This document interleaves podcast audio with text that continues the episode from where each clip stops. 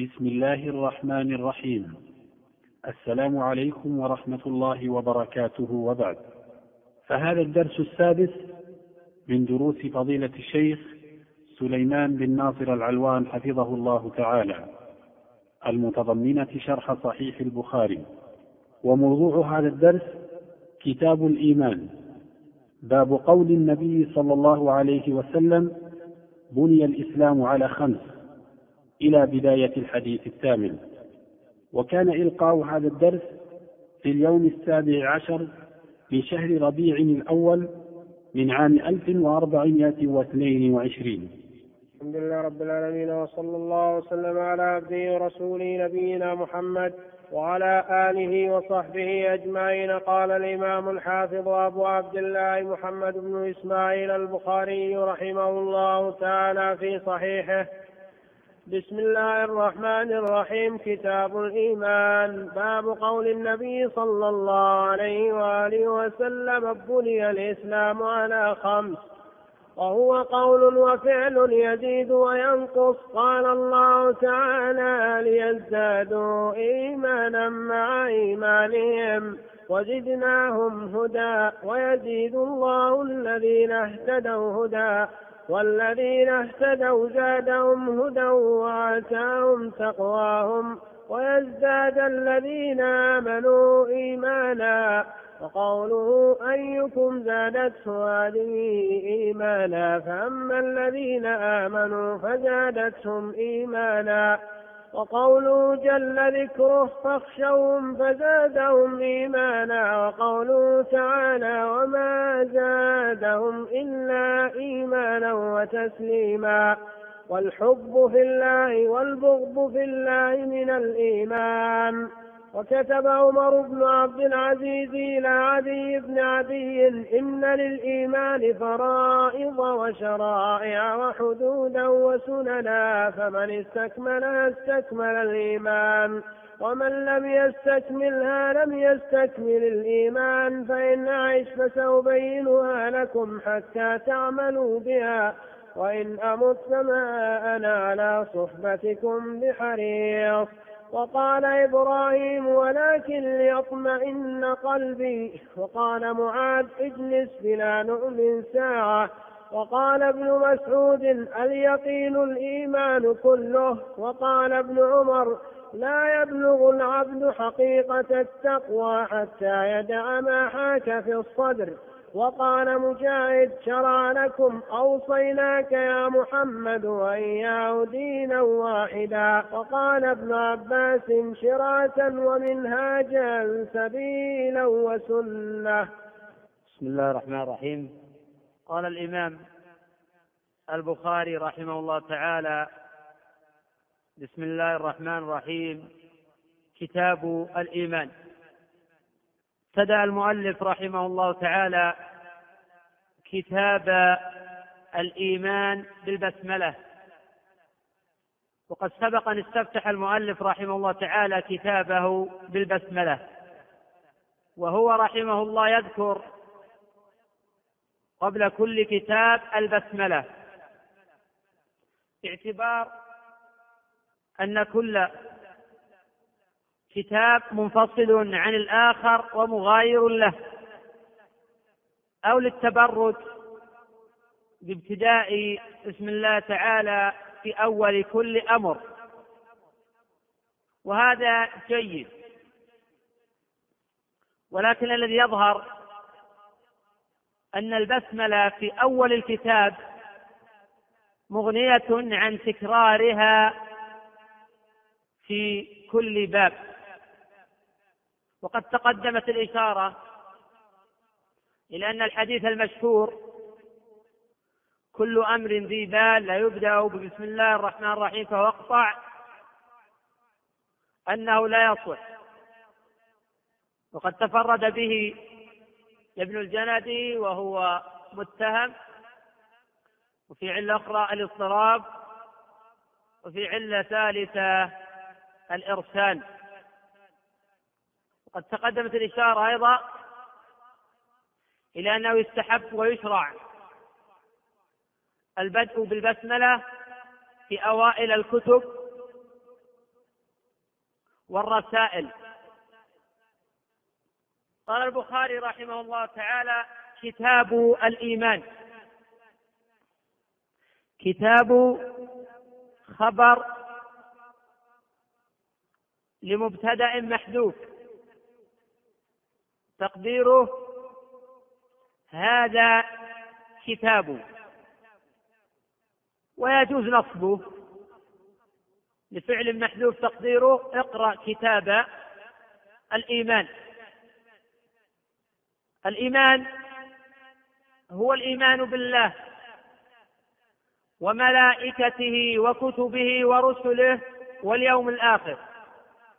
والإيمان بالقدر خيره وشره. ومن أتى بالإيمان المأمور به فلا بد أن يكون قد أتى بالإسلام. ومن جعل الإسلام والإيمان شيئا واحدا ففي قوله نظر. فقد فرق الله بينهما.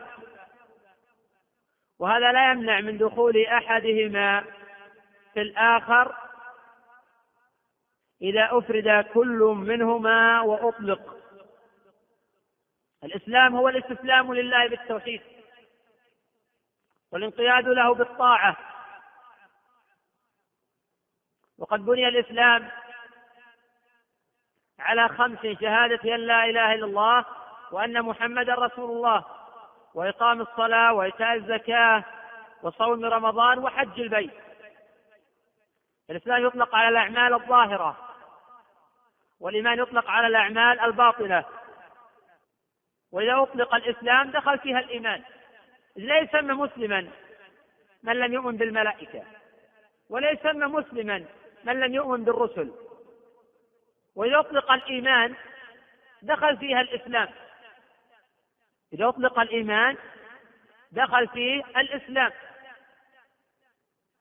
ولا يصح أن تقول فلان مؤمن أو فلان من جملة المؤمنين وأنت تقصد رجلا كافرا وتقول أريد أنه يؤمن بوجود الله.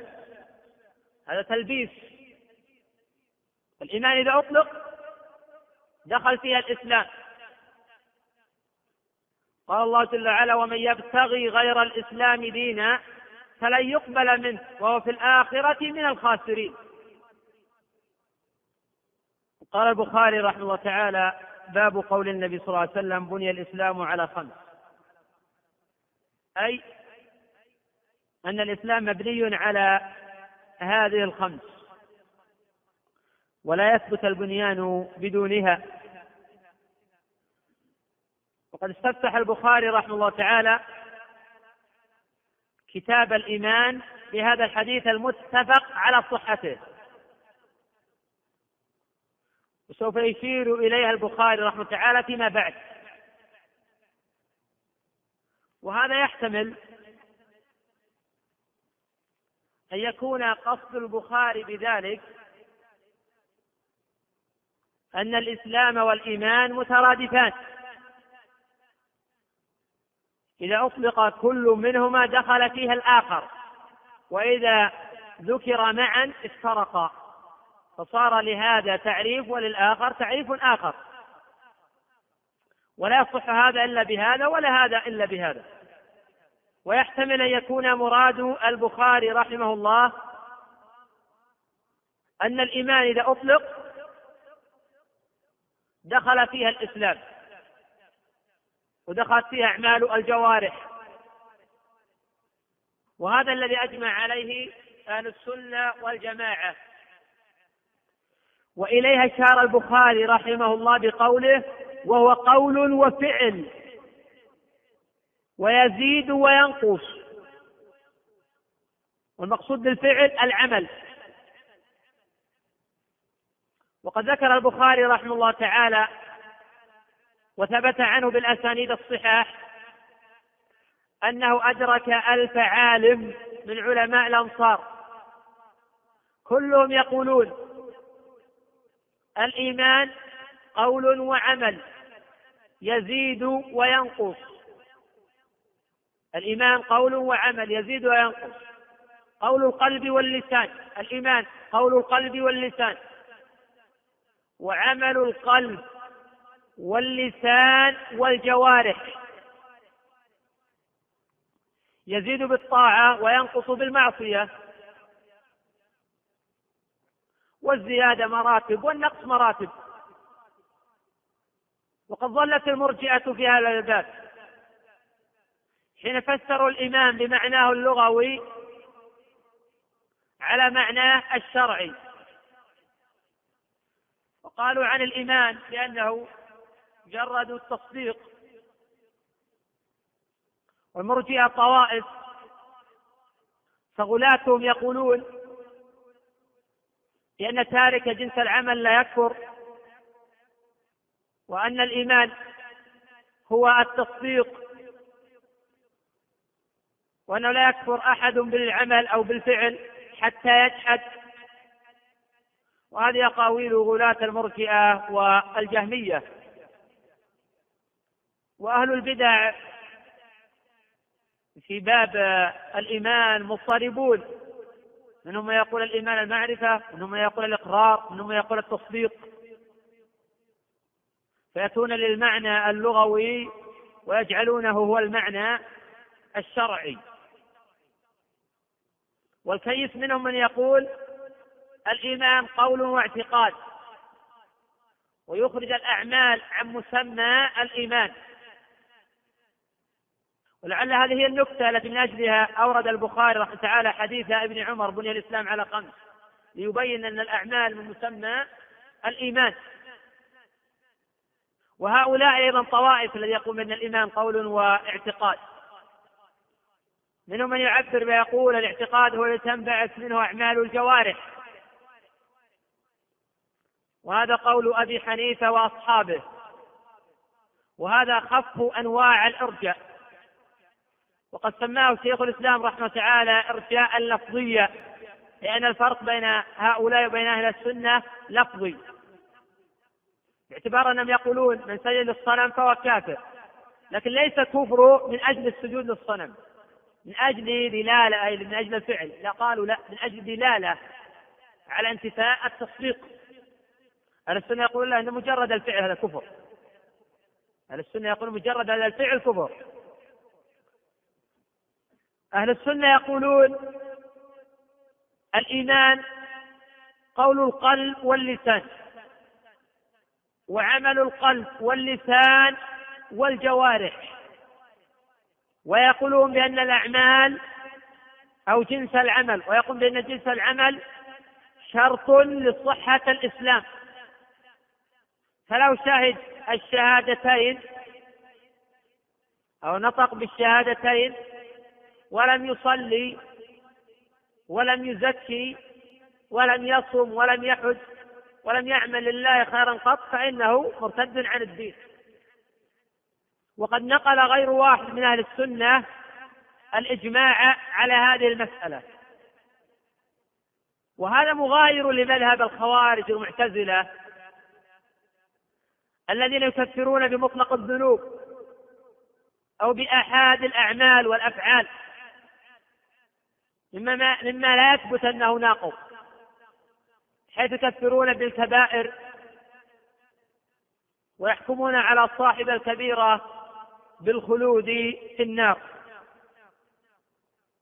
وفرق بين القول بأن هذا تارك العمل كافر وبين من ترك أي عمل فإنه يكفر. وبعض أغبياء مرجئة العصر يخلط بين مسألتين. ويظن أن مذهب أهل السنة هو مذهب وعين مذهب الخوارج ولكن ابتدع قولا جديدا. فقال إن جنس العمل ليس شرط الصحة إنما هو شرط كمال وهذا مذهب الأشاعرة والطوائف من أهل البدع والضلال. وهو في الحقيقة لو سكت من لا يعرف لقل الخلاف وقلت البدع. ولكن يأتي متحمس لمذهب أهل السنة ومتحمس للحق. وليس عنده علم ولا دراية ولا فهم ولا معرفة لمذاهب الصحابة والتابعين. ويتكلم في مثل هذه الأمور فإنه يجعل الحق باطلا والباطل حقا. أهل السنة متفقون على أن التارك جنس العمل كافر ومتفقون على أنه لا يشترط في أفعال الردة جحد ولا استحلال ولا اعتقاد فمن سجد للأصنام أو طاف على القبور أو استهزأ بالدين فإنه يكفر بمجرد هذا الفعل بغض النظر عن قضية العذر بالجهل ونحو ذلك. الحديث الآن على الحكم على النوع وليس هو الحكم على العين. وأهل السنة يقولون بأن الإيمان يزيد وينقص. الخوارج يقولون إذا ذهب بعض الإيمان ذهب الإيمان كله. ونبينا صلى الله عليه وسلم يقول الإيمان بضع وسبعون شعبة وفي اليوم بضع وستون شعبة. فأعلاه قول لا إله إلا الله وأدناه إماطة الأذى عن الطريق والحياء شعبة من الإيمان. قال وأدناه إذا ذهب الأدنى هل يكفر؟ يكفر؟ لا يكفر بالإجماع. بينما الخوارج يقولون الإيمان شيء واحد. إذا ذهب بعضه ذهب كله. وهذا مذهب المعتزلة. غير أن الخوارج يقولون بالحكم عليه في الجحيم في الدنيا والآخرة ومعتزلة في الدنيا يقوم بمنزلة بين المنزلتين ويتفقون مع الخوارج في الحكم الأخروي.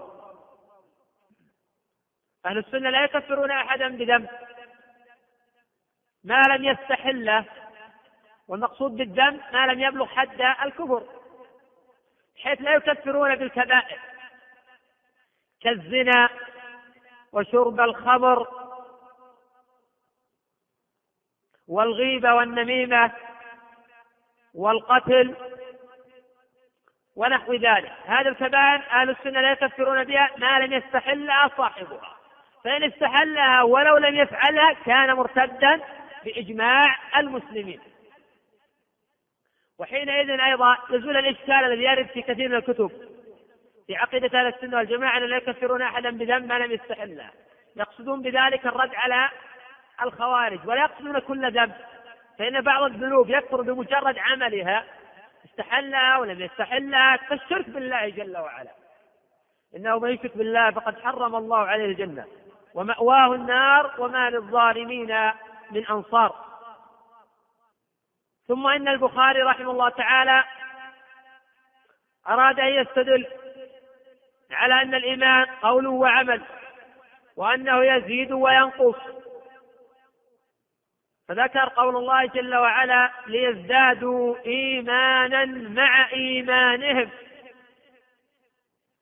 وكما أن الإيمان يزيد وينقص فكذلك الإسلام يزيد وينقص. هذا يصلي خاشعا لله مخبتا مطيعا.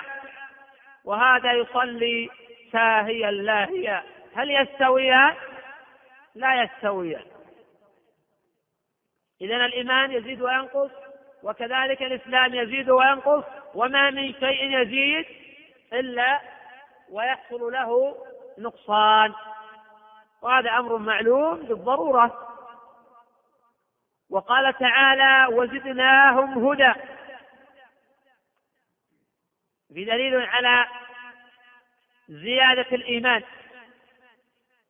وفي دلالة في الرد على القدرية والجبرية. القدرية قلنا العبد يخلق فعل نفسه.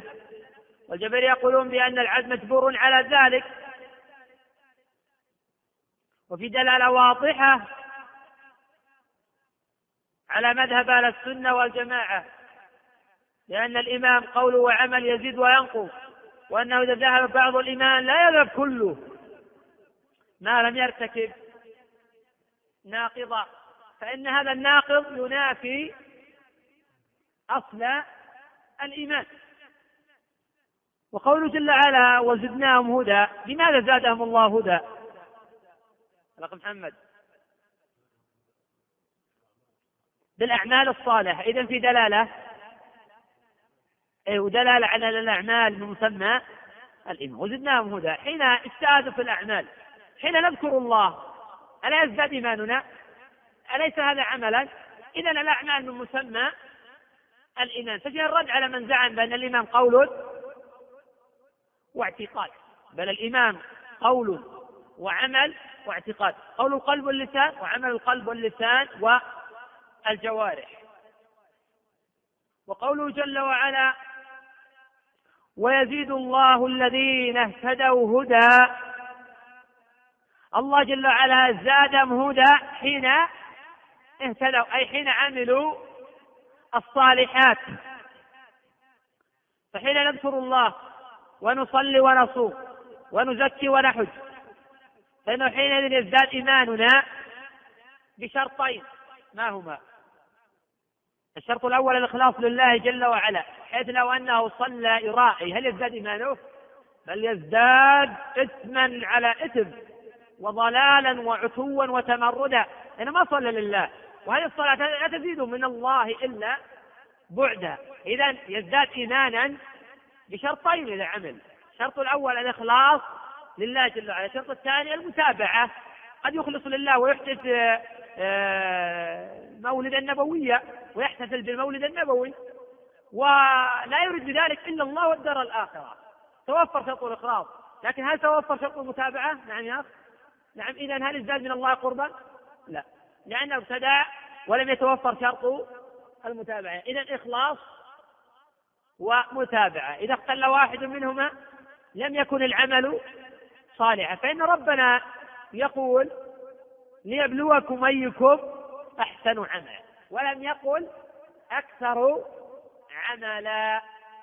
فإن الخوارج كما قال النبي صلى الله عليه وسلم للصحابة تحقرون صلاتكم مع صلاتهم وصيامكم مع صيامهم ولكن يمرقون من الإسلام كما يمرق السهم من الرمية. وهذا الحديث متواتر عن النبي صلى الله عليه وسلم. وقوله جل وعلا والذين اهتدوا زادهم هدى وآتاهم تقواهم. قوله جل وعلا والذين اسم موصول يشمل آه، الذكور والإناث. اهتدوا أي بفعل الطاعات والانتهاء عن المحرمات. وفي دلالة قوية على أن الأعمال من مسمى الإيمان. زادهم هدى. لأن الإيمان يزيد وما من شيء يزيد إلا وينقص. قوله وآتاهم تقواهم. الأخ غانم عرف التقوى.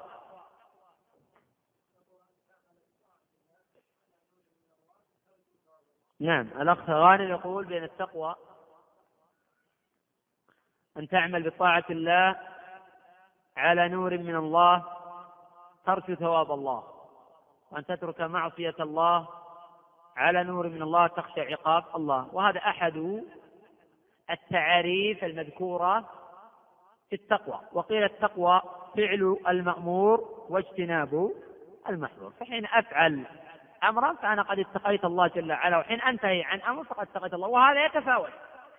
وهذا يتفاوت. قد أنتهي أو قد ينتهي أمر من الناس عن الغيبة والنميمة ولكن لا ينتهي عن شرب الخمر. فقد اتقى الله في هذا الجانب ولم يتق الله في الجانب الآخر. وقيل بأن التقوى ألا ترى نفسك خيرا من أحد. هذا مروي عن ابن عمر. وعرفت التقوى بتعاريف كثيرة. وكل لا ريب أن من التقوى فعل المأمور واجتناب المحظور وكلما عمل العبد الثالث الأعمال الصالحة زاده الله جل وعلا إيمانا وآتاه التقوى. التقوى هي التي تبعث على الابتعاد عن المحرمات. كلما قويت بصيرة العبد وقويت تقواه كلما كثرت أعماله وعظم خوفه من رب العالمين. حيث إذا هم بالمعصية ارتعدت فرائصه ووجل قلبه وابتعد عن ذلك. كلما قل إيمانه رتع في المعاصي وولغ في الآثام. نسأل الله جل وعلا الإيمان والتقوى.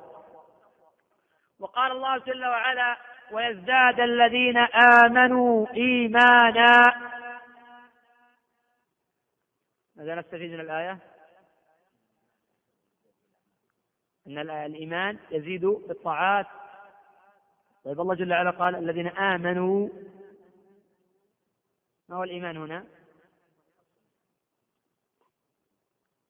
يعني جمع بين أمرين بين ازدادوا آه، أعمالا صالحة لأن الإيمان. يدخل في الأعمال الصالحة أو الأعمال الصالحة من الإيمان. إذا زادوا في الطاعات ازدادوا إيمانا. التصديق الذي في القلب يزداد يزداد. حتى التصديق الذي في القلب يزداد. فليس تصديق أبي بكر كتصديق آه، أحدنا. مجرد التصديق ينفع دون الأعمال؟ لا. وشخر أنا والله أنا مقر بوجود الله. وأنا أقر بأن النبي صلى الله عليه وسلم رسول رب العالمين. ولكن الأعمال الجوارح لا داعي لها. المهم التصديق. وهذا مجرد يعني شعارات ودلالة على التصديق وليست هي أصل الإيمان. ومجرد أن أنطق بالشهادتين أكتفي بذلك وأكون من الناجين. يصح هذا؟ لماذا؟ يعني ما أتى بمباني الإسلام. ما أتى بمباني الإسلام. ولو نطق بالشهادتين ما أتى بالصلاة. والله جل وعلا يقول وأقيموا الصلاة ولا تكونوا من المشركين. سماه الله جل وعلا مشركا. ولأنه ترك جنس الإيمان. ولأنه ترك جنس الإيمان. وتارك جنس الإيمان كافر بإجماع أهل السنة والجماعة. وقوله أيكم زادته هذه إيمانا. فأما الذين آمنوا فزادتهم إيمانا. إذا سمعوا كلام الله؟ وجلت قلوبهم؟ واجتهدوا في الأعمال؟ تزداد بذلك إيمانا مع إيمانهم. ويقينا على يقينهم. البخاري رحمه الله أكثر من الأدلة الدالة على أن الإيمان قول وعمل يزيد وينقص. وذلك بسبب أن أهل البدع في وقته يتكاثرون ويتنامون ويزعمون أن الإيمان قول واعتقاد وأن العمل غير داخل في مسمى الإيمان. فأراد أن يرد على المرجئة وأن يرد على الخوارج وأن يرد على المعتزلة وسائر الفرق الضالة المنحرفة. وقوله جل ذكره فاخشوهم فزادهم إيمانا. وقوله تعالى وما زادهم إلا إيمانا وتسليما. هذه الآية والتي قبلها فيها دلالة واضحة على أن الأعمال داخلة في مسمى الإيمان. لأن الله جل قال ولما رأى المؤمنون الأحزاب قالوا هذا ما وعدنا الله ورسوله وصدق الله ورسوله. وما زادهم إلا إيمانا وتسليما. إيمانا تصديقا واجتهادا في قتال عدو الله وعدوه وتصديقا بوعد الله وثوابه. وفي دلالة أيضا واضحة على أن الإيمان قول القلب واللسان وعمل القلب واللسان والجوارح. قال البخاري رحمه الله تعالى والحب في الله والبغض في الله من الإيمان. وقد جاء في هذا عدة أحاديث. منها حديث أبي ذر أن النبي صلى الله عليه وسلم قال أفضل الأعمال الحب في الله والبغض في الله. رواه أبو داود من طريق يزيد ابن أبي زياد عن مجاهد عن رجل عن أبي الدادر وهذا سند ضعيف. وقد جاء عن مجاهد موقوفا رواه ابن أبي شيبة رحمه الله في كتاب الإيمان. وكتاب الإيمان لابن شيبة كتاب جيد ونافع. ذكر فيه جملة كثيرة من الأحاديث والآثار عن النبي صلى الله عليه وسلم وعن السلف الصحابة والتابعين في أن الإيمان قول وعمل يزيد وينقص. وفي الباب حديث أبي أمامة رواه أبو داود بن يحيى بن الحارث الزماري عن القاسم بن عبد الرحمن عن أبي أمامة أن النبي صلى الله عليه وسلم قال من أحب لله وأبغض لله وأعطى لله ومنع لله فقد استكمل الإيمان وفي إسناده لين وفي الباب حديث البراء. رواه أحمد وابن أبي شيبة في كتاب الإيمان وإسناده ضعيف. وفي الباب حديث أنس في الصحيحين أن النبي صلى الله عليه وسلم قال ثلاث من كن فيه وجد حلاوة الإيمان أن يكون الله ورسوله أحب إليه مما سواهما وأن يحب المرء لا يحبه إلا لله. الحب في الله والبغض في الله. من أي مراتب الإيمان؟ أقصد يعني من الأقوال أو الأفعال أو الاعتقاد. نعم. قلنا أن الإيمان قول وعمل قول القلب واللسان وعمل القلب. الحب في الله والبغض من عمل القلب. نعم. أو من عمل الجوارح. من عمل القلوب الحب في الله والبغض من القلوب. طيب الول والبراء لا. محمد. حين أهجر فلانا لأنه عدو لله ليس هذا من أعمال الجوارح؟ من عمل الجوارح. وعمل الجوارح بعد من عمل القلب. إذا الحب في الله والبغض في الله من أعمال القلوب والولا والبرى من أعمال الجوارح. ولكن عمل الجوارح عمل الجوارح هذا انبعث من التصديق الموجود في القلب ومن الإيمان في القلب لو لم يكن في القلب إيمان ما هجر.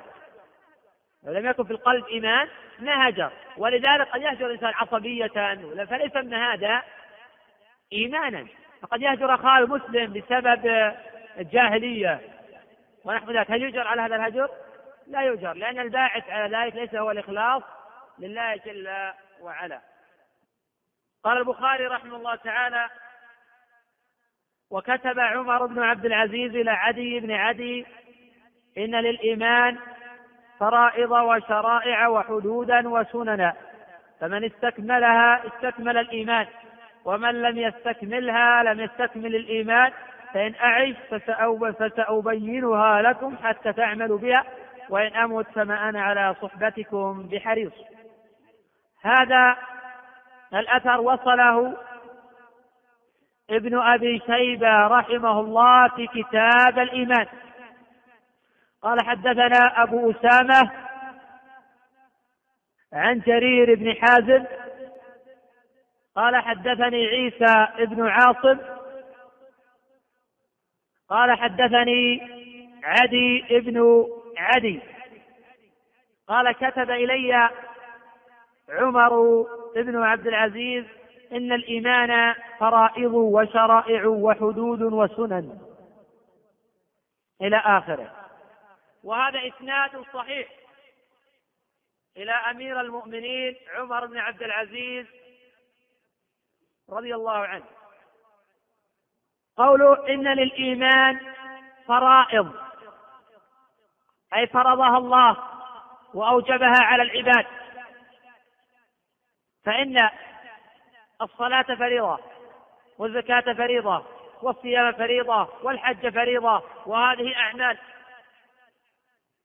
وفي هذا دلالة على أن أعمال الجوارح داخلة في مسمى الإيمان وأنه يطلق الإيمان دخل فيه الإسلام. قوله وشرائع أبا أحمد ما هي الشرائع؟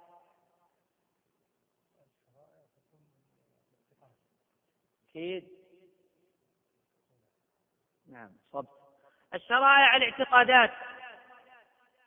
إذا أراد بالفرائض هنا أعمال الجوارح وأراد بالشرائع الأمور الاعتقادية. في دلالة على أنه متقرر في عصر الصحابة والتابعين والأئمة المتبوعين أن الإيمان قول وعمل قول القلب واللسان وعمل القلب واللسان والجوارح. ويترتب على فهم هذا الباب. فهم عظيم. للمسائل التي يكفر بها الإنسان والتي لا يكفر بها الإنسان. فبعض الأعمال تنافي أصل الإيمان وبعض الأعمال تنافي كماله الواجب. حكم بغير ما أنزل الله إيجاد التشاريع الجاهلية. الحكم في هذه اللبم بين الناس إلزام الناس التحاكم إلى هذه الشرائع المنسوخة أو القوانين الوضعية أو آراء العلمانيين هذا حكم بغير ما أنزل الله. الله جل وعلا يقول من لم يحكم ما أنزل الله فأولئك هم الكافرون. وكل من حكم بغير ما أنزل الله فهو طاغوت.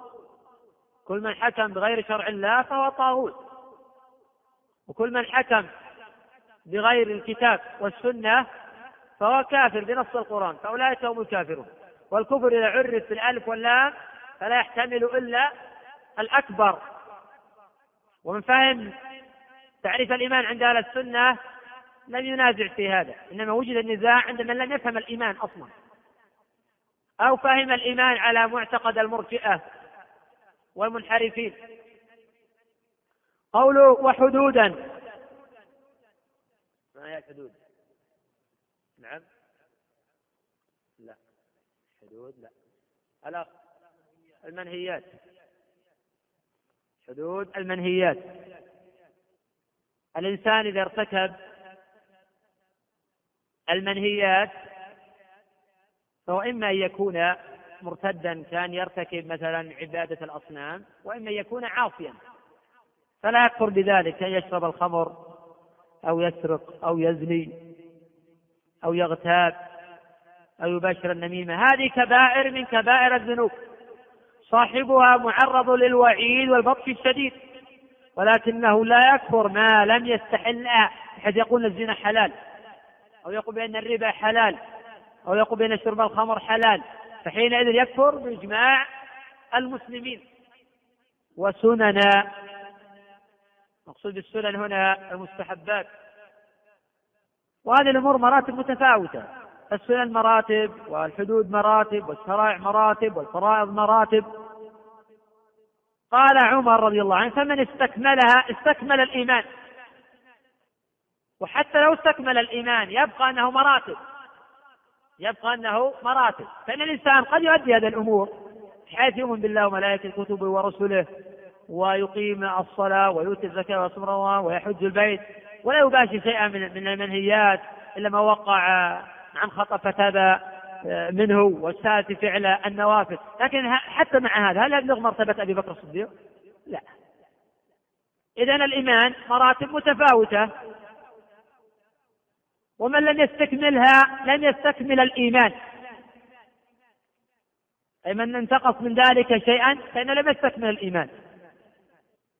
وقد تقدم أن بعض الأعمال تنافي الإيمان أو تناقض أصل الإيمان. قال فإن أعش فسأبينها لكم حتى تعملوا بها. في هذا المقطع فوائد. الفائدة الأولى حرص أمير المؤمنين عمر رضي الله عنه على بيان التوحيد للناس وأمور الإيمان. الفائدة الثانية في أن هذه هي مهمة ولاة الأمور. التعليم وبيان الحق للناس. وإيجاد علماء ودعاة يعلمون الناس ويرشدونهم. وفي أيضا أن المقصود من ذلك هو العمل لقول حتى تعملوا بها.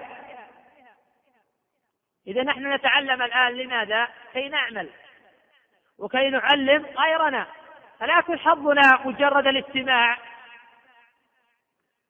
من الضروري أن نستمع ونفهم ونعقل ثم بعد ذلك نعلم غيرنا. الإيمان أمر عظيم إذا توغل في القلوب. فأنا يستعلي على كل شيء. ويحطم كل شيء أمامه. ولكن نحن بحاجة إلى الإيمان الحقيقي. لأنه قد يباشر الإيمان القلب في الظاهر ولا يقر في القلب. وكان من دعاء السلف اللهم زدنا إيمانا ويقينا وتصديقا.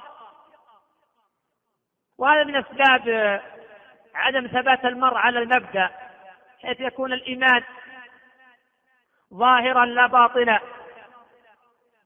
وسرعان يتحول عن حقيقة دينه واعتقاده ونحو ذلك بأدنى مؤثر من أطماع دنيوية أو ضغوط سياسية أو غير ذلك. من رام نيل العز فليصطبر على لقاء المنايا واقتحام المضايق. الصحابة رضي الله عنهم ولما رأى المؤمنون الأحزاب قال الله عنهم ولما رأى المؤمنون الأحزاب قالوا هذا ما وعدنا الله ورسوله وصدق الله ورسوله وما زادهم إلا إيمانا وتسليما. ولسان الآن حين يبتلى وحين يهدد وحين يتواعد يتراجع القهقرة بما لو لم يبتلى لكان مؤمنا ولكن حين يبتلي ظهر خواره وجزعه وضعف إيمانه ولهذا أسباب يقول شرحها. قوله وإن أموت فما أنا على صحبتكم بحريص. المؤمن لا يحب البقاء في الحياة إلا لنفع الناس والازدياد من الخيرات. وحين يفسد الزمان ويعلم أنه غير قادر على الإصلاح ونحو ذلك فبطن الأرض خير له من ظاهرها. وحين يعلم الإنسان ويستيقن هذا الموضوع يبتعد عن الأمور الدنيوية ولا يخاف إلا من الله جل وعلا. ولم يأتي الخوف من العباد والحرص على هذه الحياة بسبب حب الدنيا والجاه والمناصب ونحو ذلك. وقال إبراهيم ولكن ليطمئن قلبي. إبراهيم النخعي إبراهيم من هذا؟ نعم. أو إبراهيم التيمي. من هو؟ نعم هذا نبينا هذا إبراهيم الخليل. الذي قال عنه النبي صلى الله عليه وسلم ذاك خير البرية. رواه الإمام مسلم في صحيحه من حديث أنس بن مالك. إذا قال الله تعالى عن إبراهيم. هذا من كلام الله قاله الله عن إبراهيم. ولكن ليطمئن قلبي أي ليزداد إيماني ويقيني. كان مؤمنا ولكن أراد أن يزداد إيمانا إلى إيمانه. فإن الإيمان يتفاوت من أو أن الإيمان يتفاوت في القلوب. قوله جل وعلا ولكن يطمئن قلبي في فوائد أعطنا في مشروعية التزود من من الخير أيضا. في مشروعية التزود من الفهم. وفي مشروعية البحث. اي نعم. نعم. يطلب من الله جل وعلا لكن بالأعمال الصالحة. وفي أن اليقين يتفاوت والإيمان يتفاوت. وفي أن أعمال القلوب بمسمى الإيمان. حقيقة أن القرآن كله يبطل آراء الجهمية والمرجئة والمنحرفين في هذا الباب. قال المؤلف رحمه الله تعالى وقال معاذ اجلس بنا نؤمن ساعة. معاذ من معاذ هذا؟ نعم معاذ بن جبل رضي الله عنه. اجلس بنا نؤمن ساعة. هذا الأثر وصله ابن أبي شيبة في كتاب الإيمان. قال حدثنا وكيع. قال حدثنا الأعمش عن جامع بن شداد عن الأسود بن هلال المحاربي. قال قال معاذ اجلس بنا نؤمن ساعة. يعني نذكر الله تعالى. في دلالة على أن الذكر من الإيمان وأن الأعمال داخلة من مسمى الإيمان وأن ذكر الله يزيد في الإيمان. وهذا الأثر إسناد صحيح وقد جزم البخاري بصحته. إذا المقصود بالإيمان هنا هو العمل. المقصود بالإيمان هنا هو العمل. والذكر جمع فيه جمع خصال الإيمان القول والاعتقاد والعمل. عمل الجوارح؟ نعم جمع جميع أنواع الإيمان. قول القلب واللسان وعمل القلب واللسان والجوارح. وقال ابن مسعود اليقين البخاري يعني قال قال ابن مسعود اليقين الإيمان كله. جاء هذا الأثر مرفوعا وموقوفا. والصحيح الموقوف رواه الطبراني والبيهقي في الزهد من طريق الأعمش عن أبي ظبيان عن علقمة عن عبد الله بن مسعود وإسناد صحيح. وفي زيادة لم يذكرها البخاري والصبر نصف الإيمان. وهذه الزيادة صريحة في زيادة الإيمان ونقصه. ومراد ابن مسعود في قوله اليقين الإيمان كله أي أن القلب إذا أيقن بالله وملائكته وكتبه ورسله وآمن بكل ذلك انبعثت منه أعمال الجوارح. وليس المعنى أن مجرد التصديق هو الإيمان وهو يكفي عن أعمال الجوارح. هذا لا يقوله مسلم.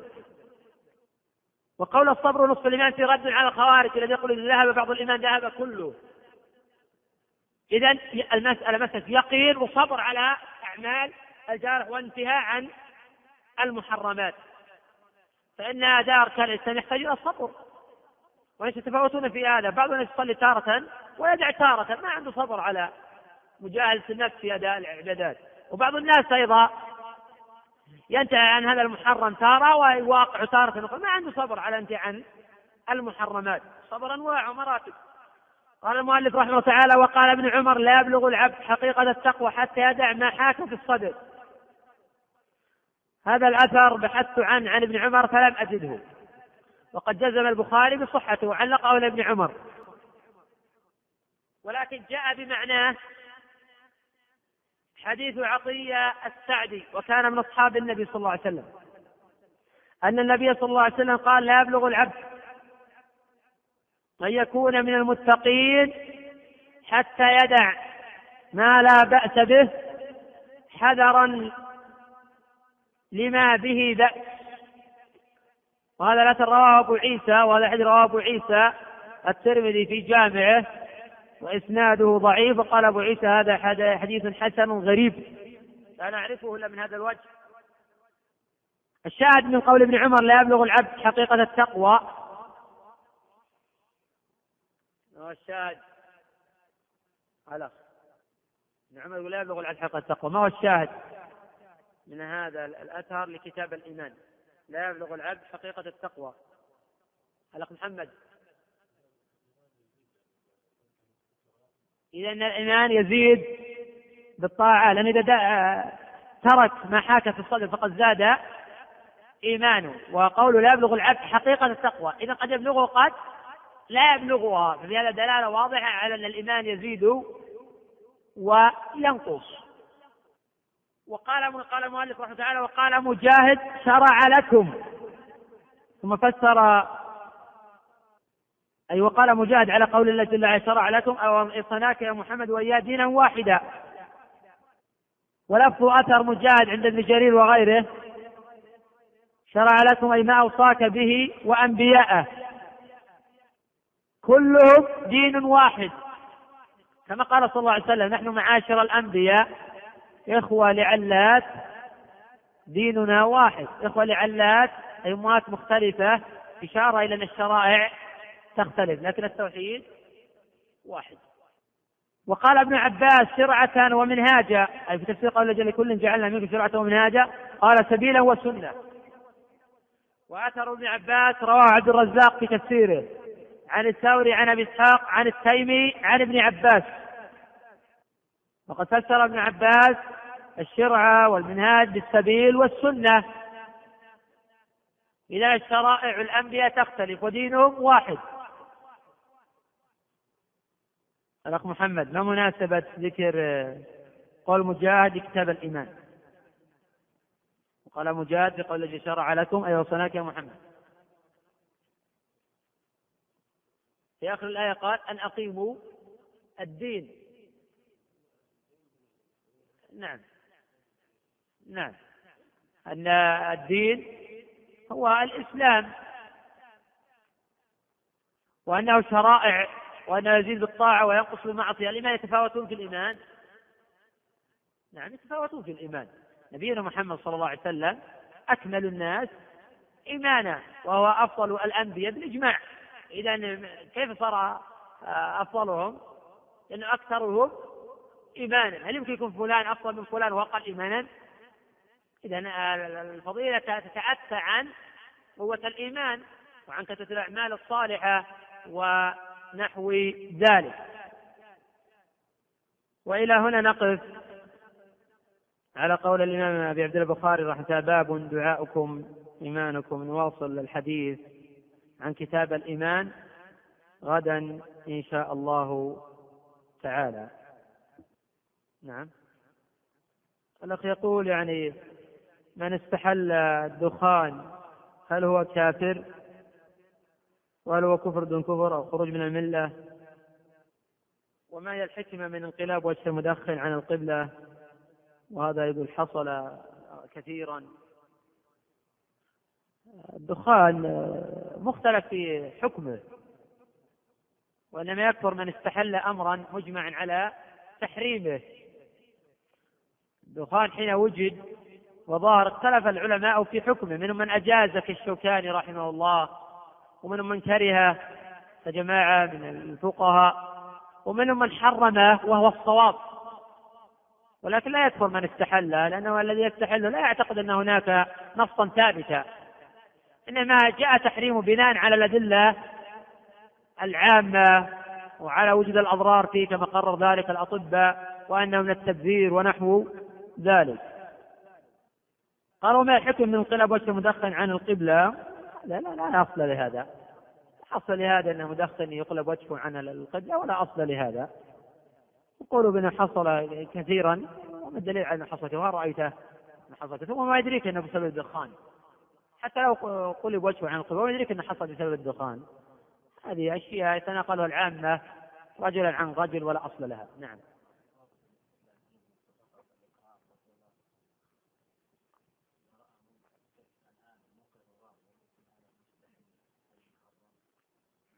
لا يلزم من هذا. الاستحلال قد يكون بالقلب قد يكون بالفعل قد يكون بقرينة تدل على الاستحلال.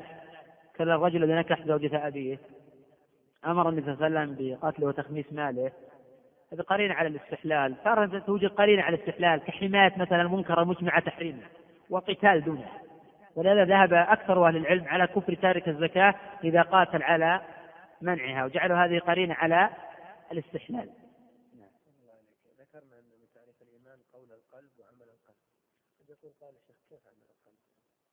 القلب يصدق ويعترف ويقر وتنبعث منه أعمال الجوارح ويحب ويبغض ويكره. هذا دليل على أنه عمل. نعم. قوله جل وعلا من يحكم الله فأولئك هم كافرون والآية الأخرى فأولئك هم الفاسقون فأولئك هم الظالمون. الظلم الكفر الأكبر والفسق الأكبر. كما قال الله جل فمن كان مؤمنا كمن كان فاسقا. المقصود بذلك الفسق الأكبر. وقول من قال بأن كفر دون كفر تقدم الحديث عن ذلك مرارا في عدة آه، دروس وأن الأثر عن ابن عباس ذلك ضعيف وهو الحاكم من طريق آه، هشام بن حجير عن طاووس عن ابن عباس قال كفر دون كفر وهذا معلول بعلتين العلة الأولى ضعف هشام بن حجير العلة الثانية مخالفة لمن هو أوثق منه فقد رواه عبد الله بن طاووس. عن أبي عن ابن عباس قال هي به كفر. وفي رواية هي كفر ولا فرق بين هي به كفر أو هي كفر. أي أن الآية على إطلاقها. وأن المقصود بذلك الكفر الأكبر. وهذا صريح وهذا ظاهر القرآن كما قال الله جل وعلا آه، ولا يشرك في حكمه أحدا. هذا أشرك في حكم الله جل وعلا. ألم ترى الذين يزعمون أنهم آمنوا من إليكم وأنزل من قبلك يريدون أن يتحاكم الطاغوت وقد أمروا أن يكفروا به؟ نعم. أعيد السؤال. المرتد يستتاب يستتيب ولي الأمر. فإن تاب ولا ضرب عنقه. وتارة أن المرتد لا يستتاب في بعض القضايا يقتل ولكن تقبل توبته فيما بينه وبين الله. كرجل مثلا سب الرسول صلى الله عليه وسلم. سبا صريحا. فهذا يقتل عند أكثر أهل العلم دون استتابة. ولكن ليس لأحد الناس أن يقيموا الحدود. وتقبل توبته فيما بينه وبين الله.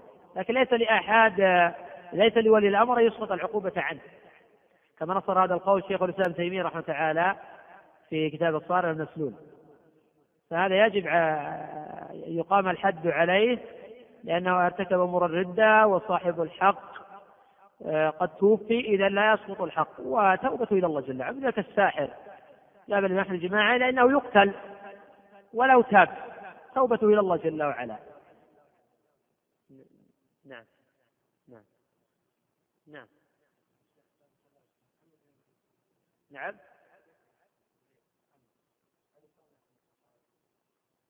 إي نعم صغار الصحابة رضي الله عنهم.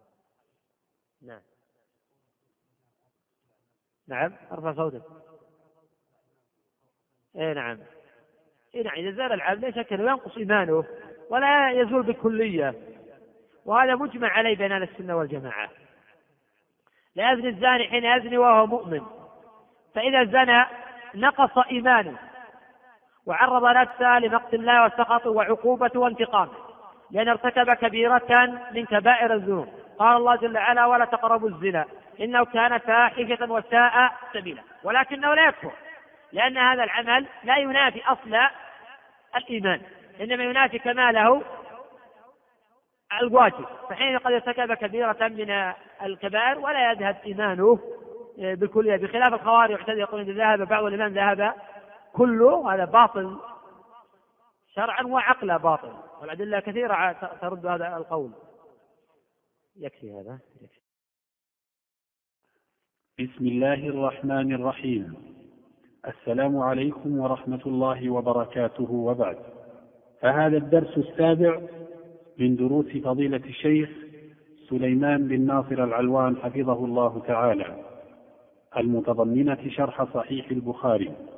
وموضوع هذا الدرس كتاب الإيمان. باب دعاؤكم إيمانكم. حديث ابن عمر. وكان إلقاء هذا الدرس في اليوم الثامن عشر من شهر ربيع الأول من عام 1422 الحمد لله رب العالمين وصلى الله وسلم على عبده ورسوله نبينا محمد وعلى آله وصحبه أجمعين قال الإمام الحافظ أبو عبد الله محمد بن إسماعيل البخاري رحمه الله تعالى في صحيحه. باب دعاؤكم إيمانكم. حدثنا عبيد الله بن موسى قال أخبرنا حنظلة بن أبي سفيان عن عكرمة بن خالد عن ابن عمر رضي الله عنهما قال قال رسول الله صلى الله عليه وسلم بني الإسلام على خمس شهادة أن لا إله إلا الله وأن محمدا رسول الله وإقام الصلاة وإيتاء الزكاة والحج وصوم رمضان. بسم الله الرحمن الرحيم. قال الإمام البخاري رحمه الله تعالى باب دعاؤكم إيمانكم. وقد جاءت أكثر نسخ البخاري بدون باب. وإنما جاء دعاؤكم إيمانكم. كما قال الله جل وعلا قل ما يعبأ بكم ربي لولا دعاؤكم أي إيمانكم. وهذا تابع للترجمة للترجمة قبلها. وذلك كما قال ابن عباس شرعة ومنهاجا أي سبيلا وسنة. وقال ابن عباس أيضا دعاؤكم أي إيمانكم. روى ذلك ابن جرير الطبري في تفسيره من طريق أبي صالح كاتب الليث. قال حدثني معاوية عن علي بن أبي طلحة عن ابن عباس. قال الله تعالى قل ما يعبأ بكم ربي لولا دعاؤكم قال لولا إيمانكم. ودل هذا على أن الدعاء من الإيمان وأن الإيمان عمل.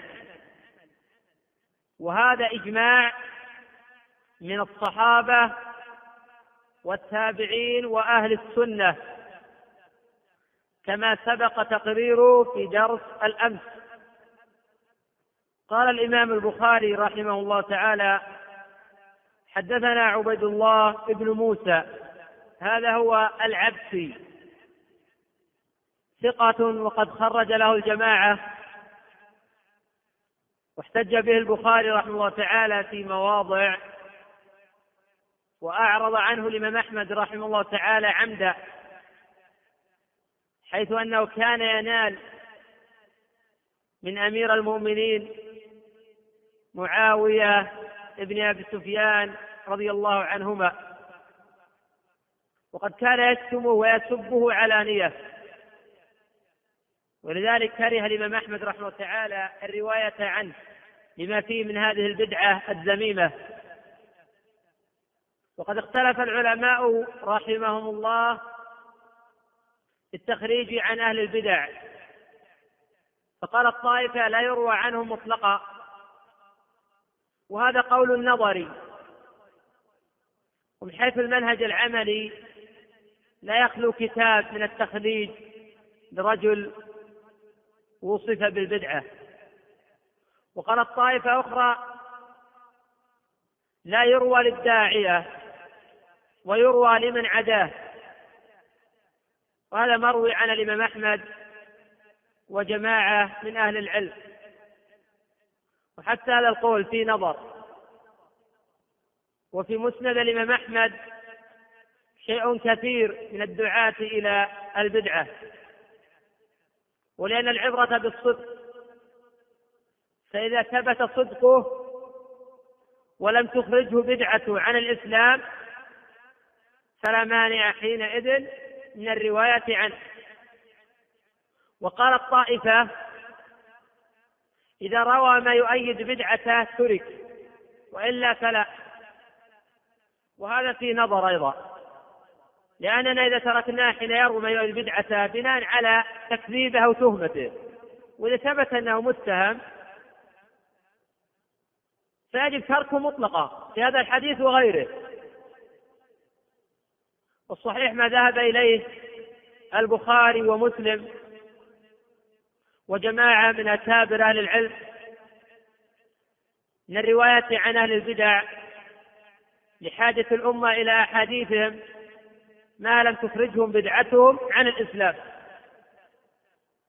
ولا يكاد يوجد كتاب من كتب أهل الإسلام إلا وفيه شيء كثير من هذا الضرب. فهذا عبد الله بن موسى خرج له الجماعة. وهذا شباب بن سوار أحد دعاة الأرجع. أحاديثه في كل دواوين أهل الإسلام حتى مسند أحمد. وهذا أبو معاوية محمد بن خالد الضرير أحد دعاة الأرجع. حديثه في دواوين أهل الإسلام من الأمهات الست ومسند أحمد. وغيرها. وهذا عمران بن حط وهذا عمران بن حطان أحد دعاة الخوارج. عمران بن حطان أحد دعاة الخوارج. خرج له البخاري وغيره وهو القال ضربة من تقي ما أراد بها أن يمدح قاتل علي. يقول يا ضربة من تقي ما أراد بها إلا ليبلغ من ذي العرش رضوانا. إني لأذكر حينا فأحسبه أوفى البرية عند الله ميزانا قبحه الله على هاتين البيتين أو على هذين البيتين. ومع ذلك لم يمتنع أهل العلم من التخريج له. وقد أجابه غير واحد فقال يا ضربة من شقي ما أراد بها إلا ليبلغ من ذي العرش خسرانا. إني لا أذكر حينا فألعنه كما ألعن عمران بن حطان. والمقصود أنه لا يكاد يخلو كتاب من التخريج لآل البدع أو من وصف ببدعة. ومن امتنع عن قبول أحاديث نظرية خرج لهم عملية. وقد توفي عبيد الله بن موسى سنة أربع عشرة ومئتين. قال أخبرنا حنظلة ابن أبي سفيان وهو ابن عبد الرحمن الجمحي ثقة حجة توفي سنة إحدى وخمسين ومائة وقد خرج له الجماعة. عن عكرمة ابن خالد. ابن العاص بن هشام المخزومي. ثقة مخرج له في الصحيحين. وقد توفي بعد عطاء. وقد مات عطاء سنة أربع عشرة أو خمس عشرة ومائة عن ابن عمر رضي الله عنهما. عبد الله بن عمر أحد كبار أصحاب رسول الله صلى الله عليه وسلم أسلم قبل الهجرة وهاجر مع والده والصحابة رضي الله عنهم. وهو أحد المكثرين من الرواية عن رسول الله صلى الله عليه وسلم. وأحد العباد وأحد العبادلة الأربعة. وأحد أهل الشورى في استخلاف أمير المؤمنين عثمان رضي الله عن الصحابة أجمعين. وقد توفي عبد الله بن عمر رضي الله عنه سنة أربع وسبعين. قال قال رسول الله صلى الله عليه وسلم بني الإسلام على خمس. ولا يثبت البناء بدونها. وحيثما بني الإسلام على هذه الخمس فحينئذ لا يثبت البناء بدون هذه الخمس. شهادة بدل من خمس. ويجوز الرفع. خبر لمبتدأ محذوف تقديره أحدها شهادته. قوله شهادة أن لا إله إلا الله وأن محمدا رسول الله. لا إله نافيا جميع ما يعبد من دون الله إلا الله. اسم الشريف بدل من خبر محذوف تقديره حق. لا إله حق إلا الله. في هذا إثبات العبادة لله الواحد القهار دون ما سواه. ومن يدعو مع الله إلها آخر لا برهان له به فإنما حسابه عند ربه. إنه لا يفلح الكافرون. قوله وأن محمدا رسول الله. لا يصح الإيمان بالأولى ما لم يضف إليها الأخرى. فلو شهد أن لا إله إلا الله ولم يشهد أن محمدا رسول الله لم يدخل بعد في الإسلام.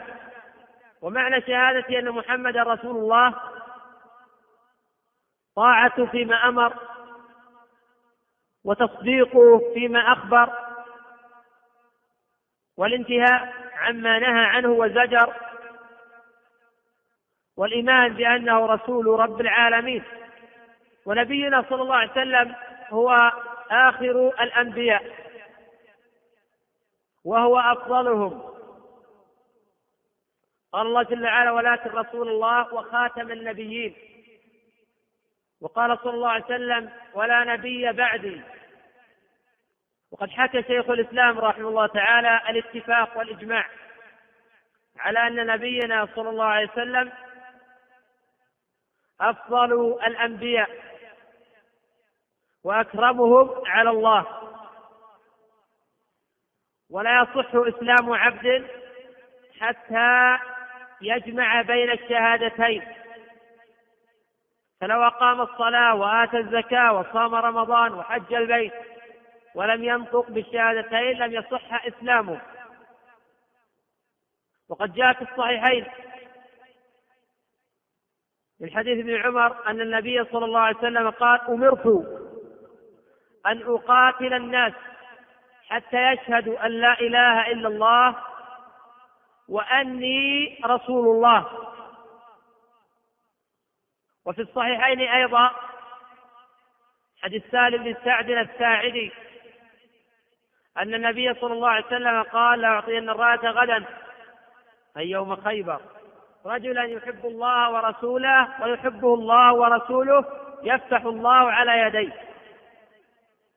فبات الناس يدوكون ليلتهم أيهم يعطاها فلما أصبحوا غدوا على رسول الله صلى الله عليه وسلم كلهم يرجو أن يعطاها.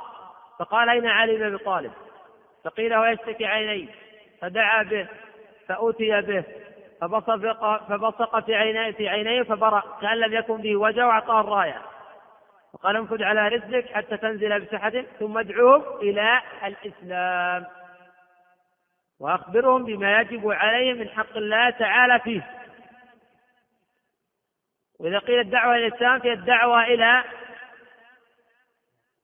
شهادة أن لا إله إلا الله وأن محمدا رسول الله وإقام الصلاة وإيتاء الزكاة وصوم رمضان والحج. وفي هذا دليل على كفر اليهود والنصارى. وهذا أمر معلوم من الدين بالضرورة. وقد أجمع المسلمون على ذلك. وأجمعوا على أن اليهود والنصارى مخلدون في نار جهنم.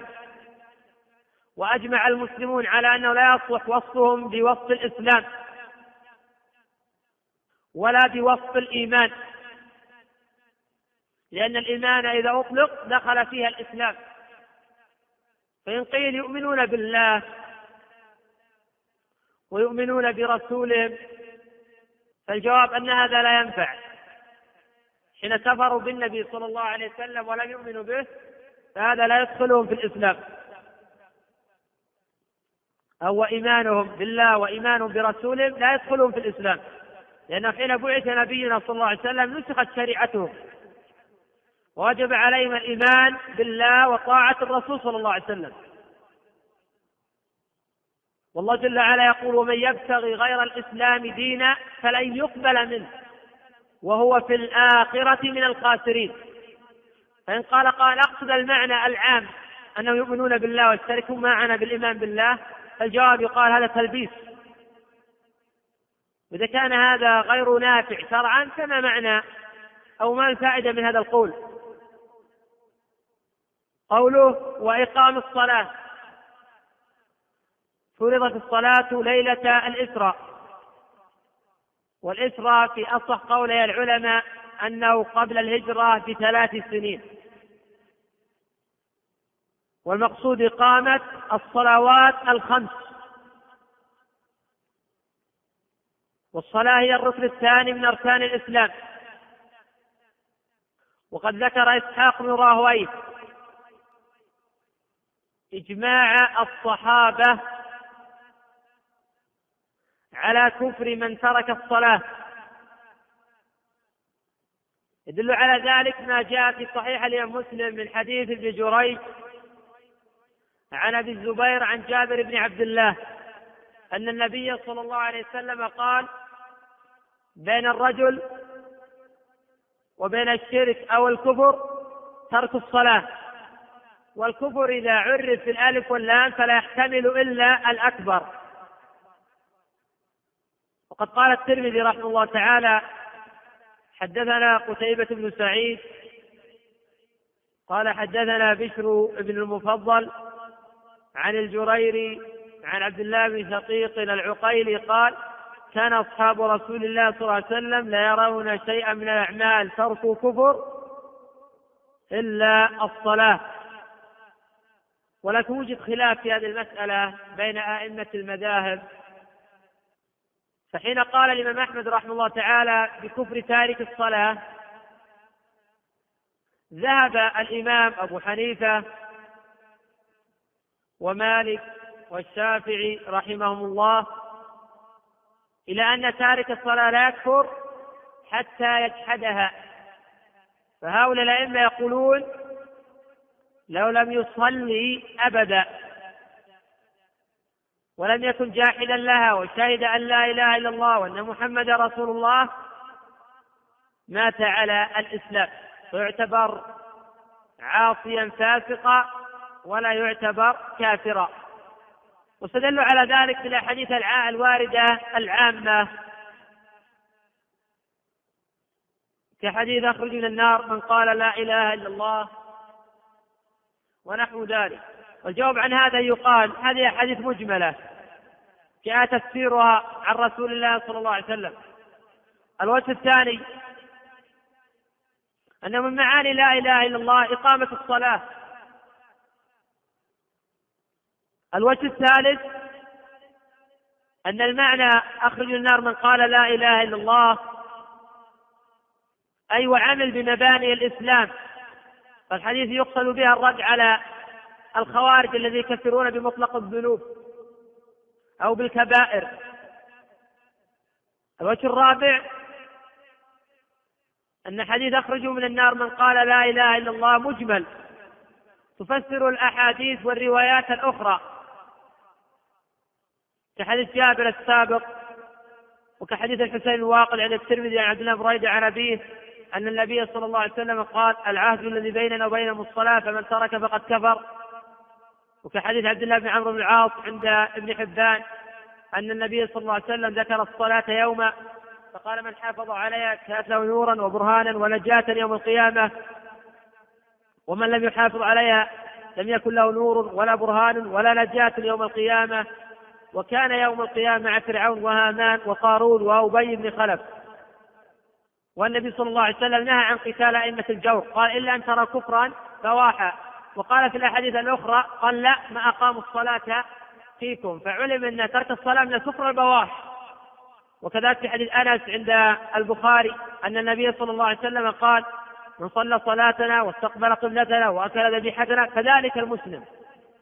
كذلك الفرابط لجواب الشر فعلم أن من لم يصلي صلاتنا ولم يستقبل قبلتنا كذلك ليس بمسلم. وغير ذلك من الأحاديث المتواترة عن رسول الله صلى الله عليه وسلم في كفر تارك الصلاة ولا سيما ان هذه الأحاديث صريحه وقد قال عبد الله بن مسعود لقد رأيتنا وما يتخلف عنها إلا منافق معلوم النفاق. رواه مسلم في صحيحه. أبلغ من هذا قوله جل وعلا وأقيموا الصلاة ولا تكونوا من المشركين. فهو من هذه الآية تارك الصلاة من جملة المشركين. والقائلون بكفر تارك الصلاة اختلفوا في القدر الذي يكفر به. فقيل يكفر بترك صلاة واحدة حتى يخرج وقتها. وهذا ثبت عن خمسة من الصحابة ولا يعلم لهم مخالف. وهو قول إسحاق وطائفة من أهل العلم. وقال آخر لا يكفر إلا بالترك الكلي. قالوا لأن الأحاديث جاءت في ترك الصلاة يعني هذا الترك الكلي. واستدلوا على ذلك بالحديث الوارد في المسند من طريق آه، الظاهر قتادة عن نصر بن عاصم عن رجل منهم أنه أسلم فاشترط على النبي صلى الله عليه وسلم ألا يصلي في اليوم إلا مرتين فقبل إسلامه. قالوا دل هذا أن الكافر هو الذي يدع الصلاة بالكلية وهذا الأثر الذي رواه أحمد إسناده صحيح بل على شرط مسلم. ولكن قيل أن هذا من باب التأليف للإسلام وقيل هذا في بداية الأمر وقيل المتن منكر وقيل غير ذلك. والذي يظهر والعلم عند الله أن المتن مستقيم. وأن النبي صلى الله عليه وسلم أذن له بذلك لأنه إذا أسلم أتى بكل الصلوات. وقد يفهم من هذا أنه لا يكفر إلا بالترك الكلي. المقصود أن من قال لأنه لا يكفر تارك الصلاة مطلقا فقوله ضعيف. الراجح أن أمره يتراوح بين أمرين إما أنه يكفر بترك صلاة الواحدة حتى يخرج وقتها أو أنه يكفر بالترك الكلي. وقد ذهب بعض المتأخرين إلى أن تارك الصلاة لا يكفر لأن الصلاة عمل والأعمال لا يكفر بها أو ترك الأعمال لا يكفر بها المسلم. وهذا قول المرجئة الضالين بل هذا قول غلاتهم. وفرق بين رجل وعالم لا يكفر تارك الصلاة بناء على ما ظهر له من الأدلة وبين آخر لا يكفر لأن الصلاة عمل. فمن لم يكفر تارك الصلاة؟ وذلك لأن الصلاة عمل فقد أخذ بقول أهل الإرجاء. وقد أنكر هذا القول أهل السنة والجماعة. وأعظم من هذا القول من قال أنه لا يكفر تارك جنس العمل فما دام ينطق بالشهادتين ولو لم يصلي أو يزكي أو يحج أو يصم فلا يكفر؟ وهذا كما قال عنه الإمام الأجري وغير هذا خلاف كتاب الله وسنة رسول الله صلى الله عليه وسلم وإجماع المسلمين. وأشار إلى هذه القضية ابن عيينة والحميدي وجماعة. وقد قال الإمام في ابن عيينة رحمه الله تعالى المرجئة سموا ترك الفرائض ذنبا. مرجئة يسمون ترك الفرائض ذنبا بمنزلة ركوب المحارم. وليس سواء لأن ركوب المحارم متعمدا من غير استحلال معصية. وترك الفرائض من غير جهل ولا عذر كفر. وبيان ذلك في أمر آدم وإبليس وعلماء اليهود الذين اقروا ببعثه النبي صلى الله عليه وسلم بلسانهم ولم يعملوا بشرائعه. وقال إسحاق رحمه الله غلت المرجئة. حتى صار من قولهم إن قوما يقولون من ترك الصلوات المكتوبات وصوم رمضان والزكاة والحج وعامة الفرائض من غير جحود لها لا نكفره. ويرجع أمره إلى الله. لأنه مقر بها. قال فهؤلاء الذين لا شك فيهم يعني أنهم مرجئة. وقال الحميدي رحمه الله تعالى أخبرت أن قوما يقولون إن من أقر بالصلاة والزكاة والصيام والحج ولم يفعل من ذلك شيئا. ولم يفعل من ذلك شيئا حتى يموت أو يصلي مسند ظهره إلى غير القبلة. حتى يموت فهو مؤمن ما لم يكن جاحدا. قال الحميدي فقلت هذا الكفر بالله الصراح. وخلاف كتاب الله وسنة رسوله صلى الله عليه وسلم وفعل المسلمين.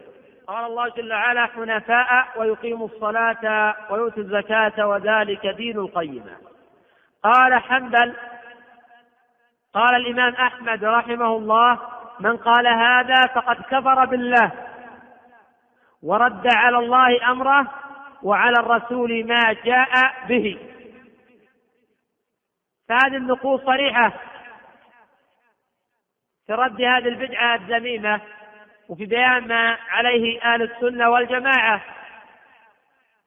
من أن تارك تلك العمل مرتد عن الدين. فمن نطق بالشهادتين ولم يصلي ولم يزكي ولم يصم ولم يحج فهذا كافر بإجماع المسلمين خلافا للمرجئة المتأخرين الذين يأخذون بقول غلاة الجهمية والمنحرفين. قوله وإيتاء الزكاة. الزكاة المفروضة التي تؤخذ من الأغنياء فترد على الفقراء. وقد اختلف الفقهاء رحمه الله تعالى في وقت شرعية الزكاة. فقيل شرعت قبل الهجرة. وقيل شرعت من السنة الأولى بعد الهجرة. وقيل غير ذلك. الزكاة الركن الثاني من أركان الإسلام بعد الشهادتين وهي قرينة الصلاة. قال الله جل وعلا وأقيموا الصلاة وآتوا الزكاة. وقال تعالى فإن تابوا وأقاموا الصلاة وآتوا الزكاة. فخلوا سبيلهم. آية الأخرى فإخوانكم في الدين. وظواهر الأدلة كتابا وسنة أن تارك الزكاة كافر ولو لم يجحد وجوبها. غير أن هناك رواية جاءت في الصحيحة لابن مسلم تفيد عدم كفر تارك الزكاة. وذلك حين ذكر النبي صلى الله عليه وسلم مانع الزكاة قال إما أن يرى سبيله إما إلى الجنة وإما إلى النار. فظاهر هذا أن تارك الزكاة لا يكفر. وقد اختلف الفقهاء في هذه القضية على مذاهب. المذهب الأول ذهب الأئمة الأربعة رحمهم الله إلى أن تارك الزكاة لا يكفر ما لم يجحد وجوبها أو يقاتل على منعها.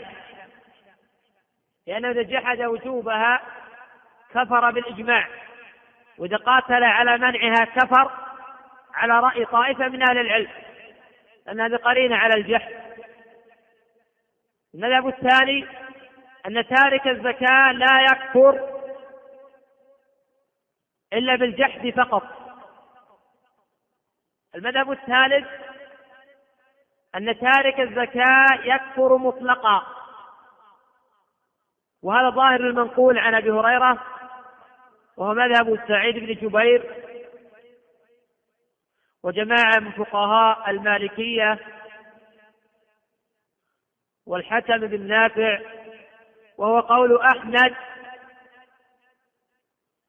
في أحد القولين عنه. الذي يظهر والعلم عند الله أن تارك الزكاة لا يكفر ما لم يجحد وجوبها أو يقاتل على منعها. وذلك للحديث المخرج في صحيح مسلم ما يرى سبيله إلى الجنة أو إلى النار. فلو كان تارك الزكاة كافرا ما شم رائحة الجنة. فلسفة قالوا في تارك الزكاة يرى سبيله إما إلى الجنة. فعلم أنه لا يكفر لكنه فاسق. ويستتاب فإن تاب وإلا وجب على ولي الأمر قتله. لأن النبي صلى الله عليه وسلم قال أمرت أن أقاتل الناس حتى يشهدوا أن لا إله إلا الله ويقيموا الصلاة حتى يشهدوا لا إله إلا الله وأني رسول الله ويقيموا الصلاة ويؤتوا الزكاة. إذا فعلوا ذلك عصموا مني دماءهم وأموالهم إلا بحق الإسلام وحسابهم على الله عز وجل. وهذا حديث متفق على صحته. ولكن لا تجب الزكاة عند أكثر العلماء إلا بخمسة شروط. ما هي الشروط؟ الأخ يقول الشرط الأول بلغ النصاب. ثاني خمسة لا الأخ نعم. لا تجب الزكاة إلا بخمسة شروط. ما هي؟ الأول الإسلام. الثاني بلوغ النصاب. نعم الحول. خمسة ما هي؟ الإسلام والحرية. تمام الملك. مضي الحول. بلوغ النصاب. إذا نقص شرط أو واحد من هذه الخمسة لم تجب الزكاة. قوله والحج. قوله والحج. وفي رواية تقديم الصوم على الحج. الحج فرض في السنة التاسعة في أفصح قولي العلماء. وفي هذه السنة حج أبو بكر وعلي بن أبي طالب رضي الله عنهما بالمسلمين وفي السنة العاشرة حج النبي صلى الله عليه وسلم. وقد ذهب أكثر أهل العلم إلى أن تارك الحج لا يكفر ولكنه يفسق ما لم يجحد وجوبه. بينما ذهب سعيد بن جبير وأحمد في رواية إلى كفره. وهذا ظاهر المأثور عن أمير المؤمنين عمر رضي الله عنه. وظاهر الحديث حين قال النبي صلى الله عليه وسلم بني الإسلام على خمس. إذا سقط واحد من هذه المباني. انهار البناء أو سقط البناء قوله وصوم رمضان. وما قيل في الحج يقال في الصوم إلا أنه ثبت عن ابن عباس أنه كفر تارك الصيام. وهو قول أحمد في رواية ومذهب سعيد بن جبير أيضا.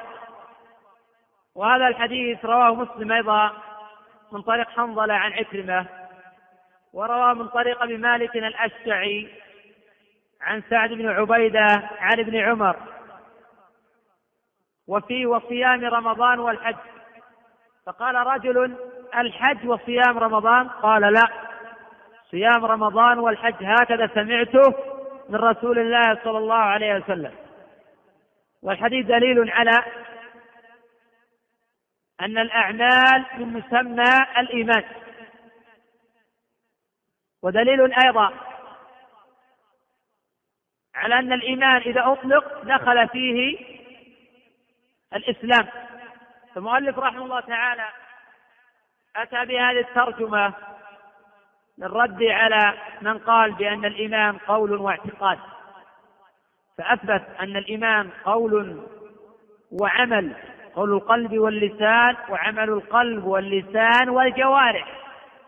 وقد ذكر شيخ الإسلام رحمه الله تعالى في مواضع من كتبه أنه لا يتصور من رجل يشهد أن لا إله إلا الله وأن محمدا رسول الله ويمتنع عن جنس العمل إلا وفي قلبه نفاق أو كفر بالله جل وعلا. إذا لا يتصور من رجل يقول لا إله إلا الله رسول الله ولكن لا يصلي يمتنع من الصلاة ويمتنع من الزكاة ويمتنع من الحج ويمتنع من الصيام إلا إن كان منافقا أو زنديقا أو غير ذلك. لكن قد يوجد يصلي تارة ويمتنع تارة يزكي تارة ويمتنع تارة أخرى. قد يفرط في الصوم أما الشخص يمتنع بالكلية ويصدق عليه أنه مسلم فكلا والله أعلم. نعم. نعم. لا ما عكس الرجل قال لابن عمر الحج وصيام رمضان؟ قال لا صيام رمضان والحج. هكذا سمعت من رسول الله صلى الله عليه وسلم.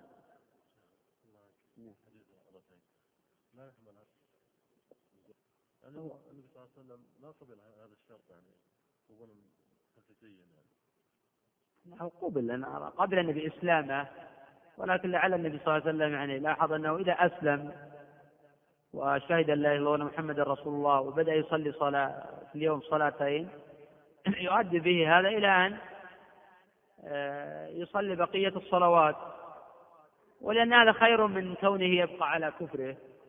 كون الرجل يشترط بعض الأشياء التي قد تسقط عنه ونحو ذلك. يقبل إسلامه باعتبار أنه يؤول به إلى أن يحسن. ولكن بعد وفاة النبي ليس لأحد يسقط عن أحد أركان الإسلام ونحو ذلك. إلا يا إذا لم يكن كفرا أو في اعتقاد المفتي أن هذا ليس بكفر يقول أسوأ ولو لم تفعل هذا ليس كفرا ما لم تجحد وجوبه. أنا كنت أعتقد أن هذا كفر وأعتقد أن مثلا مثلا واحدة كافر. ثم قال رجل أنا أريد أن أسلم لكن ما أصلي. ليس من حقي أن أقول نعم أسلم ولا تصلي. لكن من حق الذي لا يرى كفر ترك الصلاة يقول أصلي ولا لم تصلي لأنه لا يكفر بذلك. فلهذا السبب قال من قال من أهل العلم بأن من صلى بعض الصلوات ترك الأخريات لا يكفر. إذا كان الأخ يقول هل يصلى على تارك الصلاة في مقابر المسلمين؟ ذهب جماعة من الفقهاء إلى أن تارك الصلاة يعامل معاملة المنافقين. ذهب جماعة من الفقهاء إلى أن تارك الصلاة يعامل معاملة المنافقين. حتى أنه يغسل ويصلى عليه ويدفن في مقابر المسلمين ويورث. لأنه ما ذكر عن أحد من الأوائل أنه كان يمتنع عن توريث تارك آه، الصلاة وإن كان هذا دليل نقل عدمي لأن ترك الصلاة لم يكن معروفا فيهم أصلا قد يقال. ولكن ذكر هذا الاستدلال غير واحد من أهل العلم. وقالوا إن المنافق يعامل معامله آه، المسلمين. كما تعامل النبي صلى الله عليه وسلم مع عبد الله بن أبي. فحينئذ هذا يعامل معامله المنافقين لأن يتظاهر للناس لا يشهد إلا الله محمد رسول الله. كما يوجد هذا في أكثر المجتمعات الإسلامية. ينسب إلى الإسلام ولا يصلي والناس يسمونه مسلما. وقد يعظم في نفوسهم أن تمتنع من الصلاة عليه لأنه لا يعرف أنه لا يصلي. ولهذا قد يقال بالتفصيل في القضية من يعرف أنه لا يصلي وهو في نظر أن تارك الصلاة مرتد. وهو في نظر أن تارك الصلاه مرتد حينئذ يمتنع من الصلاة عليه ولكن لا يمنع غيره. كما كان يصنع حذيفة في مع المنافقين. يمتنع من الصلاة عليهم ولكن لا يمنع غيره. وحينئذ يرث ويورث لكن هذا بمنع من ردته بكم ورثته يمتنع ولكن لا يمنع بقية الأهل. فما دام هذا يعتقد أن ترك الصلاه مرتد فلا يمنع غيره ولكن يمتنع من الصلاة عليه. ويصلي عليه بقية المسلمين في مقابر المسلمين. هذا لعل هذا القول هو اصح ما قيل في المساله نعم. حديث لقنوا موتاكم لا إله إلا الله. حديث صحيح أو ضعيف؟ صحيح أو ضعيف؟ هلا اي نعم. الاخ حديث لقنوا موتاكم لا إله إلا الله. صحيح أو ضعيف؟ هلا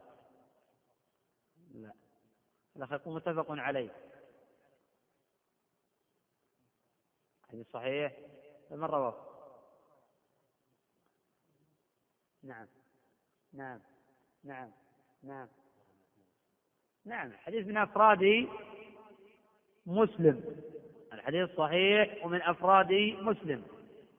أن النبي صلى الله عليه وسلم قال لقنوا موتاكم لا إله إلا الله. والأخ يسأل عن وقت التلقين.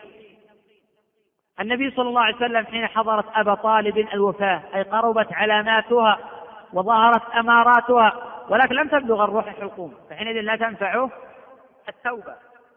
زار وعاد وعنده عبد الله بن أبي أمية وأبو جهل. فقال يا عمي قل لا إله إلا الله. كلمة أحاج لك بها عند الله. فقال قرناء السوء ترغب عن ملة عبد المطلب؟ فأعاد عليه النبي صلى الله عليه وسلم فأعاد فكان آخر ما قال هو على ملة عبد المطلب. وهذا الحديث متفق على صحته. وهذا يفسر معنى قول صلى الله عليه وسلم لا إله إلا الله وأنه إذا حضرت حضرت الوفاة وقربت علامات ذلك يقال قل لا إله إلا فإن كان كافرا يقال قل لا إله إلا الله كما قال النبي صلى الله عليه وسلم أبي طالب. وإن كان مسلما فقد استحب غير واحد من أهل العلم أنه يقال عنده لا إله إلا الله لأنك إذا قلت قل لا إله إلا الله قد يتضجر فيمتنع من النطق بذلك. وقد جاء في سنن أبي داود من حديث صالح بن أبي عريب عن كثير بن مرة عن معاذ بن جبل أن النبي صلى الله عليه وسلم قال من كان آخر كلامه من الدنيا لا إله إلا الله دخل الجنة. من كان آخر كلامه من الدنيا لا إله إلا الله دخل الجنة. اذا يستحب تلقين الميت لا إله إلا الله. نعم. اي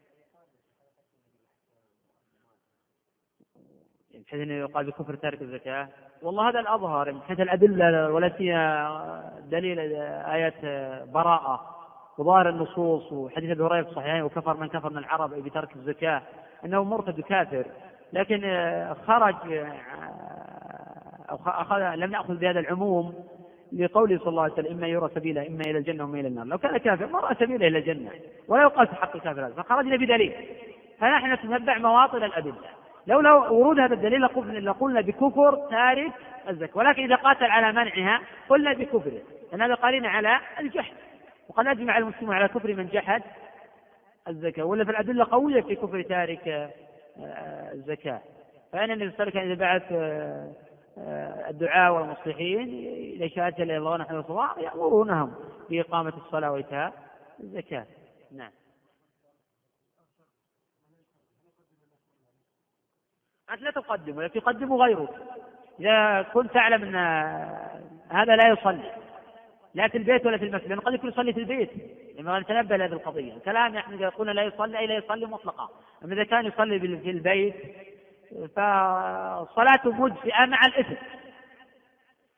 ويعتبر في خصلة من خصال المنافقين وهذا الخصلة لا تخرج عن الإسلام فحينئذ إذا كان يصلي في البيت وأنت لا تعلمه فليس من حقك تحكم عليه.